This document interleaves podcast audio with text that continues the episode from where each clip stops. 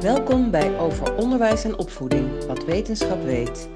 In deze podcastserie bespreken onderzoekers van de Universiteit van Amsterdam de nieuwste inzichten over opvoeding en onderwijs. Leuk dat je luistert. In deze podcast gaan we in gesprek over meertaligheid in het onderwijs. Want in het klaslokaal wordt in de regel Nederlands gesproken in Nederland, ook door kinderen die andere talen beheersen. Het is echter wel de vraag of dit nou logisch is, want waarom niet meerdere talen benutten in de klas? En kan dat, of is het een illusie voor een gemiddelde leraar of docent? En hoe hangt dit eigenlijk samen met het thema van gelijke kansen voor iedereen? Welkom bij een nieuwe podcast. Dit is een nieuw gesprek vanuit de Universiteit van Amsterdam. En mijn naam is Chip de Jong. En deze podcast is een samenwerkingsinitiatief met de Universiteit van Amsterdam, afdeling Pedagogische en Onderwijswetenschappen. En het doel van deze podcast is recent onderzoek naar onderwijs en opvoeding te delen met een breed publiek. Denk aan docenten, wetenschappers, ouders, studenten, beleidsmakers. Denk bijvoorbeeld aan thema's als de gevolgen van de coronacrisis, het lerarentekort of vraagstukken die gaan over inclusie, gelijke kansen, diversiteit en samenleven. Leuk dat je luistert naar een nieuwe aflevering. En ik heb drie gasten in de studio en die ga ik even voor het begin direct introduceren. Online aanwezig is Joanna Duarte, lector meertaligheid en geletterdheid bij de NHL Stende Hogeschool. En daarnaast is ze bijzonder hoogleraar voor wereldburgerschap en tweetalig onderwijs aan de Universiteit van Amsterdam en universitair hoofddocent aan de Rijksuniversiteit Groningen. Joanna, leuk dat je er bent. Als hoi, hoi, dankjewel. En als tweede gast uh, recht tegenover mij uh, in het echt, want Joanna die, uh, is via de telefoon aanwezig. Ellen Rose Campbell is oprichter en directeur van de Rutu Foundation, een non-profit organisatie die zich wereldwijd sterk maakt voor intercultureel meertalig onderwijs. Ja. Leuk dat je er bent. Leuk om er te zijn. En aan de rechterkant heb ik Eke Krijnen, is onderwijsonderzoeker bij het Koonstam Instituut in Amsterdam. En zij is gespecialiseerd in de samenwerking tussen ouder en school in het stimuleren van taalontwikkeling van kinderen. Yes. Nou, leuk. Het is een belangrijk thema waar je wel steeds meer over hoort in Nederland, heb ik het idee. Meertaligheid, met name in de stedelijke context. Als ik het even zo zou mogen chargeren, dat valt mij in ieder geval op. Bijvoorbeeld in Rotterdam of Amsterdam of in Eindhoven, waar ik dan wel eens kom. Dan zeggen docent of leraar, ja, daar zou je eigenlijk wat meer mee moeten doen. Um, Joanna, om misschien even bij jou te beginnen. Jij doet ook echt onderzoek naar uh, dat thema van meertaligheid. Zou je er iets over kunnen zeggen? Wat weten we daar eigenlijk over in Nederland? Uh, oh, we, we weten al eigenlijk heel veel over meertaligheid. Uh, het eerste is meertaligheid uh, is er. Dus in elke klas, in elke klaslokaal, in nou ja, elke supermarkt zijn er zeker meer dan de helft van de mensen op die een of die andere manier meertalig. En dat is in onze klassen ook zo. En de vraag is natuurlijk hoe zichtbaar maak je die meertaligheid van de leerlingen? Uh, hoe ver ga je in het echt vragen? Gaat het om een variëteit? Gaat het om twee talen of drie talen? Of uh, gaat het eigenlijk om een tweede generatie waar een van de talen minder actief is? Um, dus en daar doen wij onderzoek naar. Hoe doe je dan in de klas? Hoe betrek je alle talen? Hoe krijg je de ouders mee om uh, te helpen? En hoe uh, verander je ook een beetje die attitudes van de leerkrachten ten aanzien van het betrekken van meerdere talen en van de taalstalen van hun leerlingen in de lessen. Ja, mooi is het dus. We weten daar best wel wat van af. Um, Ellen Rose, je zou ook nog kunnen denken, ja, in de klas spreken we gewoon Nederlands. We kunnen toch niet allerlei verschillende talen gaan spreken. Dat, ja, dan wordt het allemaal zo ingewikkeld. Uh, maar blijkbaar willen we daar wel wat meer mee doen. En zien we ook wel kansen. Kan je iets daarover zeggen, uh, hoe jij daar naar, naar kijkt? Ja, kijk, precies wat uh, Joanna zegt, uh, meertaligheid is er gewoon. En het gaat ook alleen maar, het gaat niet minder worden, het gaat juist alleen maar toenemen. En ja, wij zeggen, meertaligheid is geen, we hebben geen taalprobleem op school. We hebben een taalrijkdom. En de vraag is niet van hoe ga je dat probleem oplossen, maar hoe gaan we die rijkdom benutten? En um, omdat we, ja, we weten gewoon hoeveel voordelen er zijn aan meertaligheid. Dus dan is het eigenlijk een gekke redenering dat je dan gaat zeggen van ja, we gaan het juist, uh, we, gaan het, we gaan het tegen, zorgen dat ze eentalig worden. Mm. En dat is eigenlijk wat je doet als je zegt van nou, alleen Nederlands uh, is toegestaan in de klas. Ja. Jij zegt je, je moet het eigenlijk omdraaien. Ja. Het is een kans om meer rijkheid in taal te, aan te bieden en kinderen dus meer te leren in zekere zin. Precies, dat is waar onderwijs voor is. Uh, het gaat om bijbrengen van kennis, niet om er af te halen. Ja, ja. Dus je moet eigenlijk uh, zorgen van hoe, hoe zorg je ervoor dat die kennis waarmee de kinderen op school komen, of het nou Spaans of Macedonisch of, uh, of Fries of wat voor andere taal dan ook, hoe kunnen we die gebruiken waar alle kinderen dan vervolgens ook weer hun, uh, hun voordeel mee kunnen doen. Ja. En Eke, jij zei even in de voorbereiding, ja, in mijn proefschrift heb ik ook al wel wat dingen gezien rondom die meertaligheid. Ik ben er niet zozeer een specialist op, maar ik heb wel dingen gezien in mijn onderzoek. Dat vond ik wel interessant om even nog erbij te pakken. Ja, wat ik eigenlijk vooral zag, mijn onderzoek richtte zich op hoe kun je nou ouders stimuleren om thuis hun kinderen nou ja, de taalontwikkeling te stimuleren. En hoe kan je scholen nou weer helpen om ouders daarbij te helpen. Maar wat ik zag is dat het dan scholen waren in de grootstedelijke context van Nederland. Dus super divers als het gaat om thuistalen. Maar waar scholen en ook het programma dat ik onderzocht zich eigenlijk alleen op richten, was dat Nederlands. En dat Nederlands kwam steeds maar weer terug.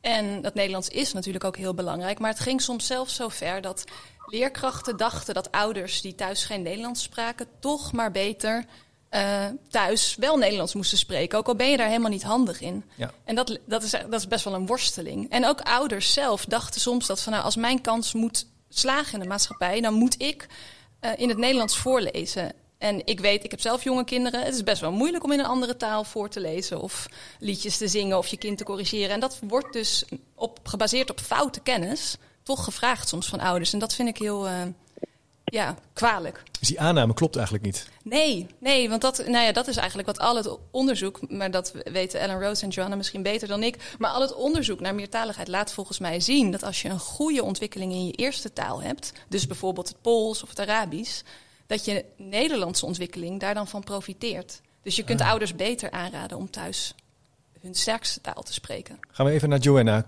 Klopt deze redenering zo? Dus dat je eigen moedertaal oh, sterker ontwikkelen, ja? Ja, het klopt helemaal. En je kunt ook twee moedertalen hebben die niet het Nederlands zijn. En ook in die twee talen zou je ook, ook een gezonde taalontwikkeling kunnen bevorderen. Uh, en uh, wat Eke zegt, inderdaad, sommige uh, gezinnen die, zijn niet, die kunnen niet, en die willen niet, maar die kunnen ook niet Nederlands thuis praten. Maar anderen zouden het wel kunnen. Bijvoorbeeld, ik zou ook tegen mijn zoon, ik kom uit Portugal, wij spreken Portugees met elkaar, zou ik ook zeggen, oh, ik kan met jou Nederlands praten, dat doen wij ook soms. Maar dan gaat het niet om of ik kan, maar meer of ik wil. Ik wil niet een onderdeel van mezelf en van mijn zoon afgeven aan de maatschappij. We hebben een andere identiteit en we willen graag dat die ook wordt gewaardeerd. Dat ook dat als rijkdom wordt gezien. Dus het kan ook een onderdeel zijn van de taalontwikkeling van het kind. Maar het kan ook een onderdeel zijn van je identiteit. En ook van je welzijn en van je participatie in de maatschappij zoals je bent. Ja. En dat mogen we niet vergeten. Nee, dus ja, ik, moet ik moet denken aan, ik heb ooit een keer een lezing bijgewoond van de mensen die hadden dan het Van Dalen kinderwoordenboek uh, gemaakt. En die hadden het over de woordenschat van kinderen die van NT2 kinderen. Dus die niet een uh, Nederlands spreken als eerste taal. Maar die waren wel vrij scherp erover. Die zei ja, als je minder woordenschat hebt, dan kan je later minder begrijpelijk lezen. Dan kan je die teksten weer niet aan. En ja, die konden eigenlijk helemaal. Dus die, ja, maar die konden dus helemaal redeneren. Maar je hebt niet minder. Kijk, je hebt meer. Jullie zeggen eigenlijk, je hebt juist meer. Het is een rijkdom. Maar dan, is er, dan, dan kom je wel op het punt van het schoolsysteem. Dan kan dat schoolsysteem eigenlijk niet zo goed omgaan uh, in groep 4, in groep 5, met die rijkdom of die mogelijke potentie die er eigenlijk is.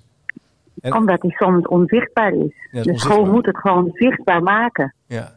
En een rooshoek eh, zichtbaar maken? Ja, dus dat is uh, eigenlijk precies de reden waarom we de taalvriendelijke school hebben opgericht. Uh, dat is een, uh, een label eigenlijk voor scholen die die taalrijkdom willen omarmen. Hm.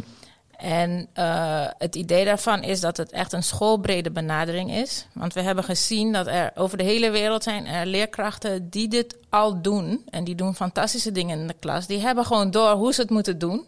Alleen ze voelen zich heel geïsoleerd. Hun, hun uh, collega's snappen het niet. En ja, waar ben je mee bezig? Of soms er zijn ook uh, schoolleiders die dit willen doen, maar die zich ook bij andere uh, collega's binnen het schoolbestuur of zo geen aansluiting vinden. Dus wij wilden echt een netwerk creëren waar ze dus van elkaar kunnen leren, ideeën kunnen uh, uitwisselen, maar ook ja, eigenlijk empowered worden van ja, wat wij doen, dit, dit sluit gewoon aan bij ja, jullie weten het al, want we doen het en we zien hoe de leerlingen reageren. Ze zien hoe de leerkracht het ook makkelijker voor ze is om les te geven. Ja. Dat lijkt heel uh, tegenstrijdig. Want veel leerkrachten die er voor het eerst van horen, denken van nou moet dat ook nog, hoe moet dat met al die talen? Uh, maar als, je dus, uh, als ze er dus mee bezig gaan, dan merken ze dat het hun werk juist makkelijker wordt. makkelijker wordt. En eh, kan je een voorbeeld geven? Wat, waardoor wordt het dan makkelijker? Ja, dus ik heb een heel mooi voorbeeld van uh, een van de eerste taalvriendelijke scholen hier in Amsterdam. Een gewone buurtschool met kinderen van, uh, van overal vandaan. En die zei op een gegeven moment echt tegen ons van nou, uh, dank je wel, want jullie hebben echt mijn werk makkelijker gemaakt. Het is een feestje geworden. Want de leerlingen weten nu al, als ik een nieuw onderwerp ga beginnen, dat ik ze ga vragen, hoe doe je het in jouw taal? En ze zegt, wat vroeger dus een hele saaie Nederlandse grammatica-les was, bijvoorbeeld uh, hoe maak je meervoud, uh, zitten die kinderen nu gewoon al te trappelen om te vertellen hoe, het, uh, hoe je meervoud maakt in het Russisch of in het Spaans. Ja, ja, ja. En vervolgens gaan ze dat dus bespreken in het Nederlands. Dus je hebt constant die overdracht van eigen taal naar het Nederlands en weer terug. En dat is wat dus maakt dat het een veel rijkere taalles wordt. En je bent er ook wel zeker zin, kan me voorstellen dat je er wel trots op bent. Je mag iets vertellen wat je weet, wat anderen niet weten. Precies. En dat geeft een soort energie op, op, op leren lezen, op taal. Ik, en dat doet dus iets met die motivatie, met dat plezier. Zou je het zo kunnen zeggen? Ja, ik kan me voorstellen dat het zo werkt. Maar ik denk ook dat het belangrijk is om te kijken naar. Um, dus hoe we meertaligheid waarderen op verschillende scholen. Want als je kijkt naar internationale scholen, die vaak vooral bezocht worden door kinderen uit de hogere sociale milieus. Ja. Nou, daar is meertaligheid de norm. En Ja. daar is die weer waardering voor die thuistalen van kinderen juist heel groot. Dat is heel normaal. Ja. Terwijl op, op veel scholen die ik heb bezocht. eh, is meertaligheid iets raars. En Ja. vaak ook, nou ja, er wordt alleen maar in negatieve zin over gesproken. Zeker ook in het contact met ouders. Dus een taalbarrière, onbereikbaar, ehm, Ja. eh, te weinig kennis van het schoolsysteem. Ze daardoor. lezen de, de app niet hè, met Paro, want weet je, dat soort dingen. Je komt helemaal in een soort riedeltje van dit, zijn, Van- dit veroorzaakt problemen. Precies. Terwijl ehm, dat wat we willen voor de kinderen van de elite, zouden we ook willen voor gewoon ons, al onze meertalige kinderen, Ja. lijkt mij. Ja. Dus Joanna, we moeten het eigenlijk omdraaien. Daarmee kan er veel meer. Dat is echt iets wat ik... Ja. ja, ja. Ja, je moet niet kijken naar, waar de, naar wat de kinderen niet kunnen, maar wat die wel kunnen. Ja. En hun gezinnen. En dat moet je dan in de school brengen en gebruiken.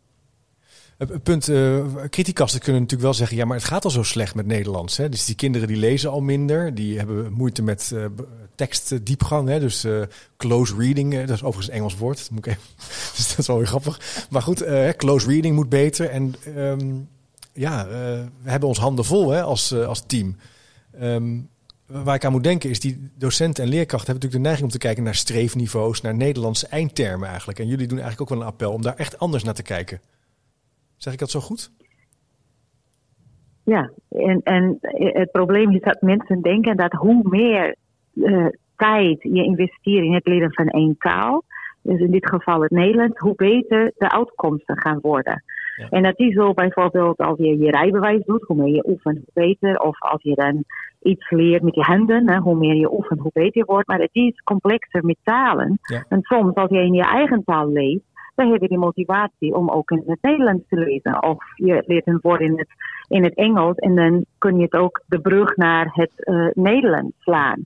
Dus met talen is het complex en het betekent niet dat als je in een taal investeert of ruimte geeft, dat dan het Nederlands slechter wordt.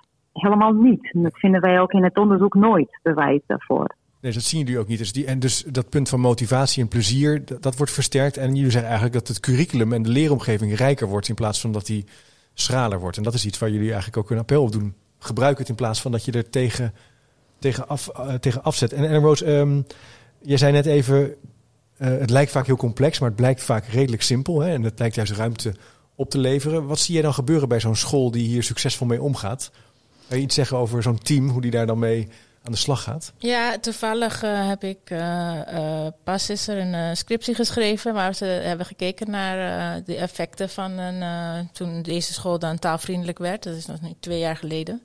En eh, hij heeft, eh, dus de student heeft zowel de eh, leerkrachten als de leerlingen geïnterviewd.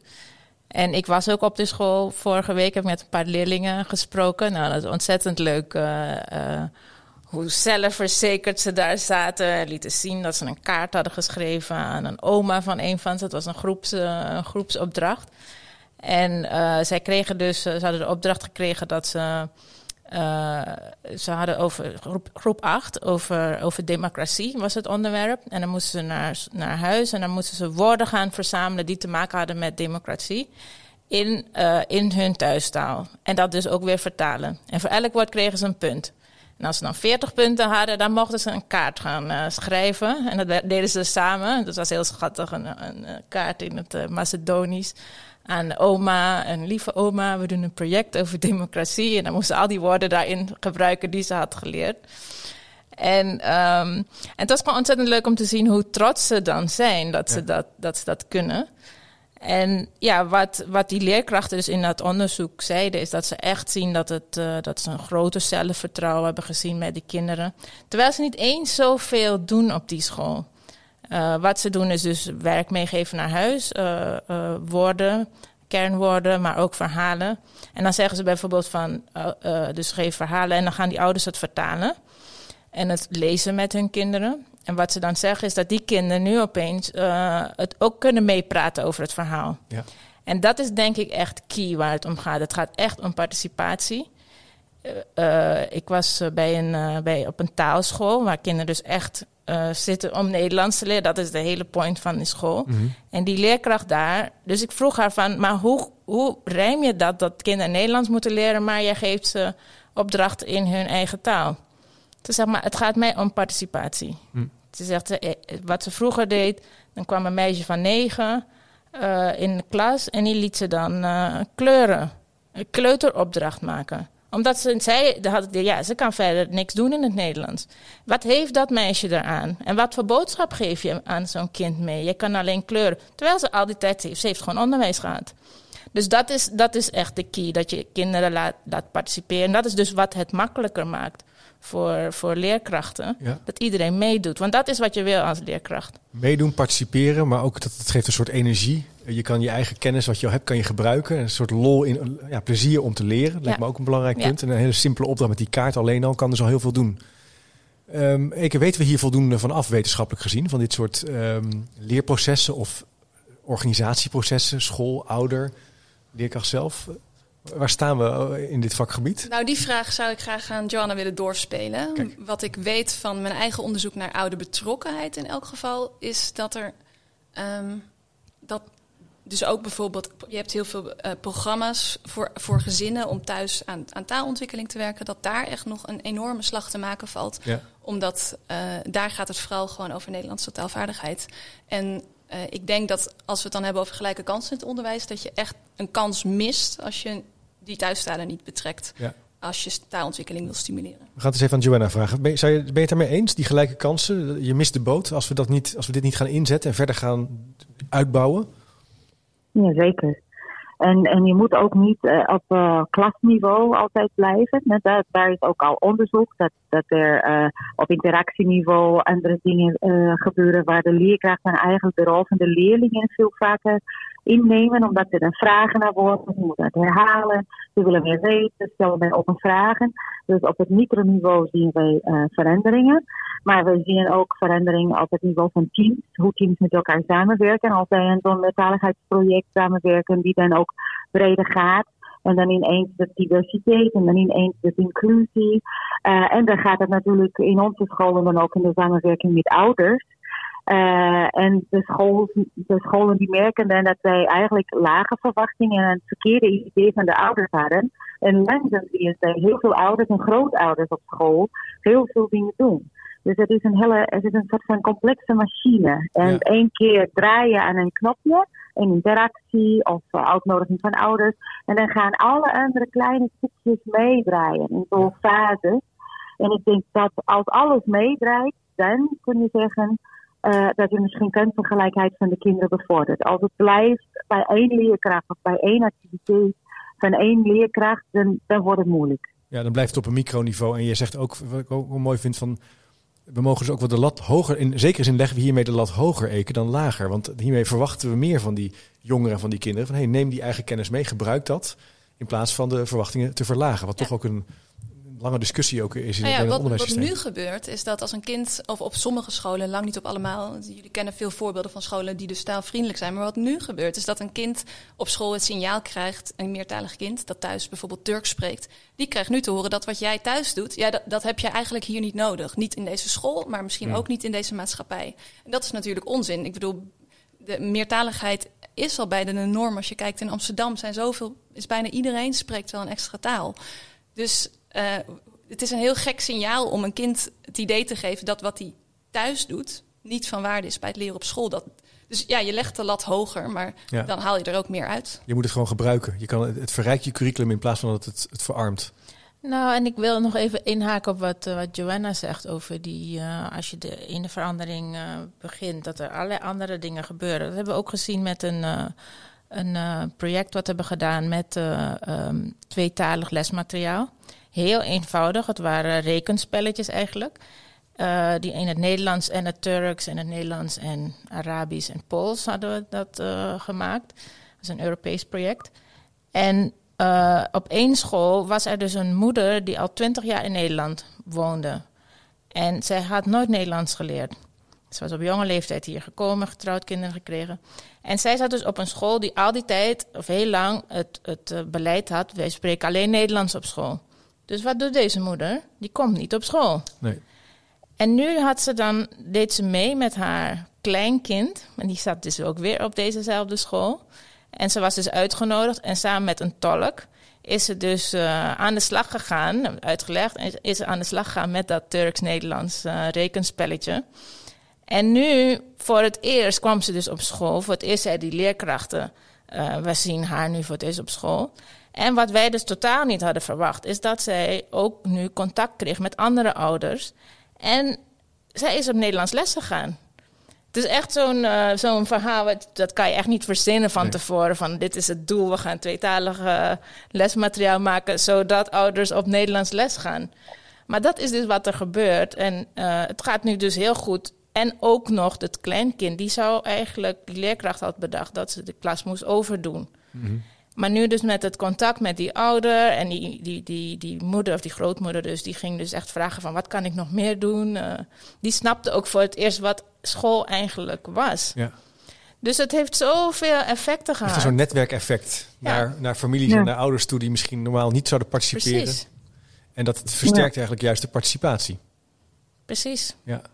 En um, zeggen jullie daarmee ook, ja, de, de, de, de, de Nederlandse streefniveaus zoals die er zijn, die moeten we blijven handhaven. Dat blijft, hè, die hoge lat moet er blijven zijn, uh, Joanna. We zetten er juist wat naast. Of zeg je, we moeten misschien principieel überhaupt kijken naar taal? Ik ga toch even checken hoe jij daarnaar kijkt, Joanna. Wat bedoel je met principieel nou, je, je, kijken naar taal? Nou, je zou kunnen zeggen, uh, zoals we het nu hebben geregeld op een basisschool, moeten kinderen in elke groep toewerken naar bepaalde woordenschat, een bepaalde tempo van lezen, bepaalde boekjes, hè, de, de, de, nou ja, die afkorting die je allemaal hebt. Je zou ook nog kunnen zeggen, we, laten, ja. we, we, we, durven dat misschien ook wat meer los te laten en überhaupt breder te kijken naar taal en naar keuze van taal. Ja. Nee, dat, daar ben ik Nee. niet mee eens. Nee, en mensen denken omdat, eh, omdat eh, ik voor een meertalige benadering ben, dat het dan eh, de toren van Babel is. En Ja, dat precies. helemaal geen regels zijn en helemaal geen standaarden. Ik denk nog steeds dat voor een groot deel van de kinderen school is de plek waar ze in contact komen, niet alleen maar met de Nederlandse taal, maar met standaard, standaard Nederlands. En je mag vinden wat je wil daarvan, maar het is nog steeds wat je in eindexamen, wat je je, je kleuter tot participatie in de maatschappij geeft. Dus Ja. dat is natuurlijk, dat mag de school nooit vergeten. Dat de missie is ook, maar niet exclusief, eh, toegang eh, tot standaard Nederlands. Maar de, de vraag is, hoe doe je dat? Alleen maar met het focus op standaard Nederlands? Of doe je dat in een meertalige en ja, opene manier waar je andere talen en andere variëteiten en standaard ook mee betrekt? Ja, helder, helder. Nou, het is wel eh, goed inderdaad die toren van Babel, dat je een soort radicale denker bent. Maar dat is dus niet, niet het geval. Hè? Dat, eh, dat is wel goed om het Nee. even te nuanceren inderdaad. En Eke, jij hebt onder andere ehm, met de Bali een avond georganiseerd. Dat omstreeks dat we deze podcast opnemen. Eh, is dat, vindt dat in Amsterdam plaats? Kan je er iets meer over vertellen? Wa- wa- waar- waarom dat initiatief en wat het precies is? Ja, nou ja, voor ons is het vanavond. maar dat is misschien niet op datum van uitzending het geval. Maar we- ik heb dat samen met, met, met wat collega's bij het Koonstam en in, in samenwerking met de Bali hebben wij dat eh, initiatief genomen voor dit programma. Omdat ik in mijn onderzoek in elk geval zag dat in onze bubbel, we kennen elkaar op LinkedIn, is dat hele, de be- belang van meertaligheid, dat is ja, ja, in, je, in onze bubbel is het erkend. Maar ik heb het idee dat wat ik op school heb gezien, dat dat lang niet altijd het geval is. Nee. En het onderzoek naar meertaligheid. Nou, ik heb Nederlands gestudeerd. Ik ben in 2009 afgestudeerd. Toen was dit al uitgebreid in kaart gebracht dat die eerste taalontwikkeling belangrijk is. Uh, daar in de jaren 80, 90 al. En in het onderwijs en in de praktijk en ook bij beleidsmakers landt die kennis niet. En um, er wordt nu dus nou, gelijke kans is een, is, een, is een hot topic. Zeker sinds de coronacrisis. Het was het altijd al, maar nu lijkt het nog urgenter. En dit onderwerp lijkt in de praktijk soms een beetje vergeten te worden. Ja. Uh, dus dat is eigenlijk waarom we deze avond in de, in de balie hebben, om, om er aandacht voor te genereren. Um, en nou, deze, je praat nu met mensen die erg voor uh, het belang van uh, voor erkenning van thuistalen in het onderwijs zijn. Maar er komt ook iemand die heeft uh, de Haagse onderwijs, onderwijswethouder, die heeft afgelopen maart in de Telegraaf een stuk geschreven dat ouders thuis vooral Nederlands moeten spreken om hun kinderen betere onderwijskansen te geven. Ja. Nou, op basis van het onderzoek is dat gewoon niet waar. Nee. Uh, maar hij is er ook vanavond. Dus het is denk ik goed, goed, dat het gesprek op die manier gevoerd wordt. Nou, het is ook deze, deze podcast ook een zekere zin een functie dat je dit soort dialoog en verkenningen doet om serieus te bestuderen van klopt het eigenlijk wel wat ik denk? Hè? Klopt, mijn opvattingen ja, en wel? Het, en het is de intuïtie dat hoe meer Nederlands je hoort, hoe beter dat is. Maar wat Johanna net ook zei, is dat dat toont het onderzoek dus niet aan. Dus dat je hoge um, eisen stelt aan het Nederlands, dat is goed. Maar het is daar, dat doe je er niet, niet mee door ook meertaligheid ruimte te bieden. Ja, Integendeel eh, misschien. Ja, mooi, dat wist ik eigenlijk zelf ook niet hoor, moet ik eerlijk zeggen. Je merkt ook al mijn vraag dat ik dacht dat het wel zo zou zijn. Um, waar zijn jullie nu momenteel nu dan? Nou ja, natuurlijk vanavond en, en, eh, de lezing en het debat. Dat kun je, ik zal even een linkje plaatsen op de website. Dan kan je het allemaal waarschijnlijk terug, zoals ik dat eh, eerder ken van de Bali, kan je dat terugluisteren, terug bekijken. Wat zijn nu belangrijke thema's of vraagstukken waar jullie momenteel dan mee bezig zijn om dit gesprek verder te krijgen en meer op die scholen te krijgen? We noemen nou even van micro naar meso. Dus die scholen echt ondersteunen om op teamniveau hier aan vorm te geven. Mm. Um, Ellen Rose, je hebt natuurlijk ook uh, uh, de Rutu Foundation. Um, wat zijn dingen waar je nu mee bezig bent?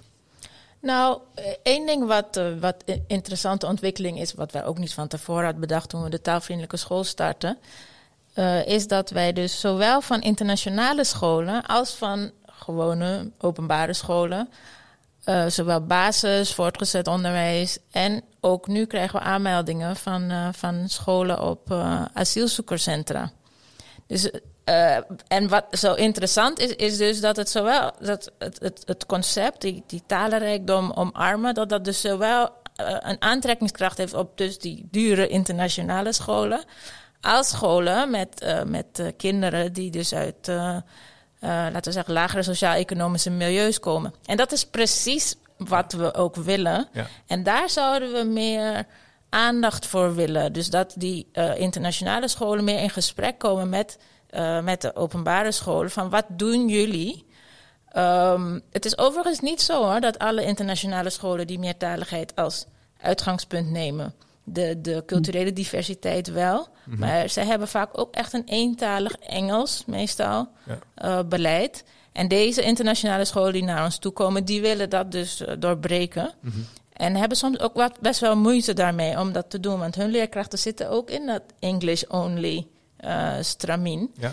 Maar goed, de, de openbare scholen hebben iets van, ja, internationale scholen, die hebben al dat geld, dus die kunnen dat doen. Terwijl wat ze doen kost helemaal geen extra geld. Dus daar zou ik heel graag meer um, ja, gesprek tussen, tussen willen. Mooi, interessant. Nou, ik hoop dat de podcast daar een kleine bijdrage aan, uh, aan gaat geven. En, en Joanna, wat zijn wat jou betreft onderzoeksvragen uh, waar je nu ja, van zegt? Nou, ja. ja. We zijn momenteel vooral met digitale tools uh, aan de slag. Dus wij hebben uh, tools ontwikkeld waar wij de kennis van verschillende scholen, basisscholen en ook voortgezet en nu ook MBO. Um, waar wij dan die ervaringen verzamelen, verzamelen voor de leerkrachten. En wij doen dat in de, uh, als toolboxes. Dus dan kun je uh, zoeken naar activiteiten voor wiskunde, talen, voor lezen of schrijven ja. uh, in meerdere talen. Um, maar ook in de, in de vorm van video's. Dus didactische video's over taalbewustzijn of translanguaging. Dat zijn kennisclips die kort zijn, twee, drie minuten en een indruk hebben van, oh, ik kan dit gebruiken misschien al morgen in mijn les. Dus ja. niet heel ingewikkeld. Leuk, en dan hebben we nog, um, ja, en dan hebben we nog voor leerkrachten wat we noemen die frequently asked questions. Dus we hebben heel veel interviews en er komt altijd dezelfde vragen. Bijvoorbeeld, hoe kan ik talen die ik zelf niet spreek in mijn les uh, een plekje geven. Nou, die hebben wij al 120 keer gehoord in verschillende formuleringen en talen. Nou, die bundelen wij en dan maken wij expert-video's met een antwoord daarop. En die experts zijn uh, onderzoekers, maar ook leerkrachten of ook directrices of uh, directeurs van scholen. En, en die stellen we natuurlijk open source beschikbaar. En hebben we tools voor leerlingen. We hebben een computer-based learning environment in heel veel talen. Van streektalen tot en met Arabisch, Pools, Tigrinya bijvoorbeeld. En we hebben ook games, augmented reality games, waar die taalbewustzijn van de kinderen uh, wordt gestimuleerd doordat zij in coöperatieve werkvormen met elkaar elkaars talen gebruiken. Uh, en dat, dat ontwikkelen wij nu, is bijna klaar, bijna alle deze tools. En daar doen wij ook onderzoek naar. Wat doen zij dan echt? Wat leren zij dan? Wat doet het bij de leerlingen? Doet het bij de ouders die ook meespelen? En bij de, de leerkrachten. Het is ook echt op het verspreiden van tools die werken. Dus ook kennisverspreiding in zekere zin is ook een belangrijke doelstelling. Hè? Van wat, wat werkt er? Hoe kunnen we het gebruiken? Hoe kan je het inzetten? Hoe kan je parallel aan een onderzoeksproces inrichten? Dat klinkt interessant. Ik zal de linkjes zeker even plaatsen op de website. Uh, Eke, misschien als laatste, uh, wat, wat houdt jou momenteel bezig als, als wetenschapper en onderzoeker? Nou, wat ik in dit onderwerp heel interessant vind, is uh, die opvattingen van leerkrachten hierover. Want uh, wat, mij, wat ik net eigenlijk al zei, is wat mij verbaast, is dat er zoveel kennis wetenschappelijk is, maar dat het dus niet ja. doordringt. En ik ben benieuwd, ik zou willen weten wat zit erachter. Want ik heb met veel leerkrachten ook gepraat, ook over deze avond. En er worden toch altijd argumenten genoemd. En dan denk ik, ja, maar zit er niet iets achter? Ik, ik sprak met een leerkracht die zei, maar weet je, het Arabisch, dat klinkt ook zo akelig met die ugh-klanken. Oh, ja. Nou, wat zit daarachter? En dan moeten we het misschien daar ook over ja. hebben. Dat lijkt mij uh, een belangrijke, belangrijke thematiek. Dus de, ook de politieke, de, de onderbuikgevoelens, ja. de, de, het politieke klimaat over hoe we denken over wie erbij hoort en wie niet. Dat soort vragen denk ik dat we ook in een wetenschappelijk onderzoek misschien moeten meenemen. Het zijn natuurlijk impliciete opvattingen die toch je gedrag en je de waarheid aansturen. Die bepalen wat je denkt. Ja, dus, ik uh, denk dat het onderwijs niet vrij is van, van, nee. van wat er verder in de maatschappij nee. speelt. Nee. Dus geloof niet alles wat je denkt. Hè. Is soms uh, ook een goed, goed devies. En laat je ook leiden door onderzoek en wetenschap. Maar dat gesprek met elkaar voeren is een ontzettend belangrijk thema. En mogelijk gaan we daar dus uh, met jou als onderzoeker meer van horen en meer van zien. Ik hoop het. Leuk. Nou, uh, hartelijk dank voor dit uh, ontzettend boeiende gesprek rondom een heel uh, ja, relevant thema in de wereld van onderwijs en, en samenleven en opvoeden. Um, beste luisteraar, bedankt voor het luisteren. Er komen natuurlijk meer podcasts aan. abonneer je zeker op dit kanaal via je favoriete app. Dan krijg je automatisch een update als er een nieuwe podcast staat. Ik zal de linkjes naar de bronnen ook even plaatsen op de website. Voor nu, Joanna, Ellen Rose en Eke, hartelijk dank voor jullie participatie en tot de volgende keer. Wil je meer weten over het onderzoek naar opvoeding en onderwijs van de Universiteit van Amsterdam? Kijk dan op de website cde.uva.nl. En luister een volgende keer weer naar deze podcastserie.